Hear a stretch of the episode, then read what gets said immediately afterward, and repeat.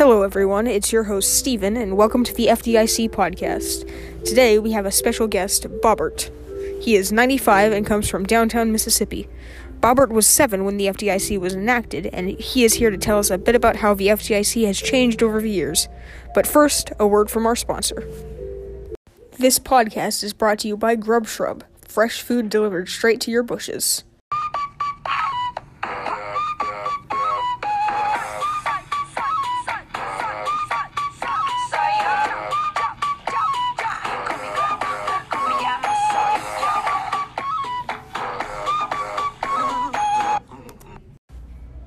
FDIC stands for the Federal Deposit Insurance Corporation and was created as a way to bail out the banks after the massive failures in the 1930s. It was also created as an insurance program in case banks failed again. People who had put all their savings in the bank lost their money because the bank had loaned it all out and people used the money to buy stocks, which failed. Our guest will be going through the ins and outs of the FDIC. Bobbert, explain to us how the FDIC started. Hello, everyone. My name is Bobbert, and I'm here to tell you about the FDIC. The FDIC is a federal relief program created on June 16, 1933, 88 years ago. The FDIC was created during the Great Depression as part of the first New Deal to make the people trust the banking system. It started by giving $2,500 commercial bank deposits it was soon raised to 5000 In 1980, it was raised to $100,000 per account. It was until it was finalized in $250,000 in 2010. Has the FDIC gone through any hardships?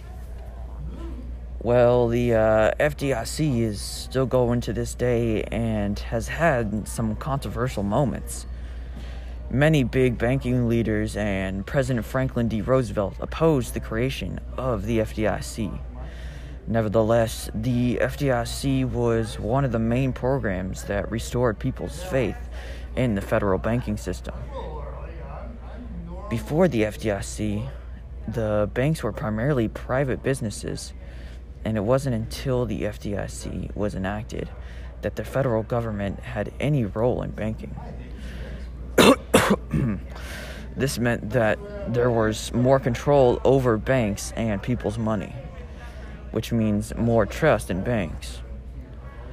Over time, banks have become a part of daily life. And if you told someone today that banks used to be the enemy, they might be surprised. This is all because of the FDIC over the last 88 years. Well, thanks, Bobbert, but how does the FDIC work? Uh, the FDIC works by insuring each investor for an amount of money. Currently, 250,000 using money collected from the banks themselves.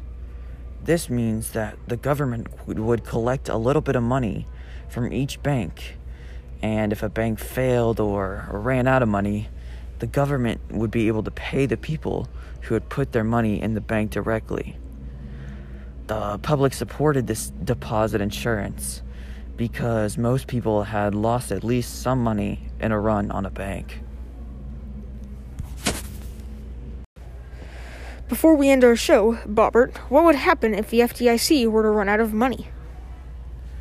Uh, that's a good question, Stephen.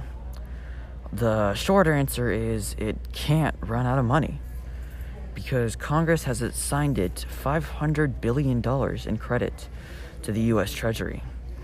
So if it were to run out of money, the government would simply put more money into the FDIC funds.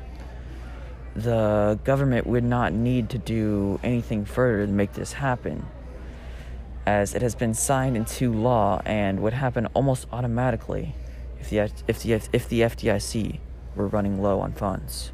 Thank you for listening to our FDIC podcast. Robert, would you like to take it away? Make sure to feed all your shrubbery with Grub Shrub. Smash subscribe and like to get more. Sorry, all about the very interesting and intriguing topic of the FDIC.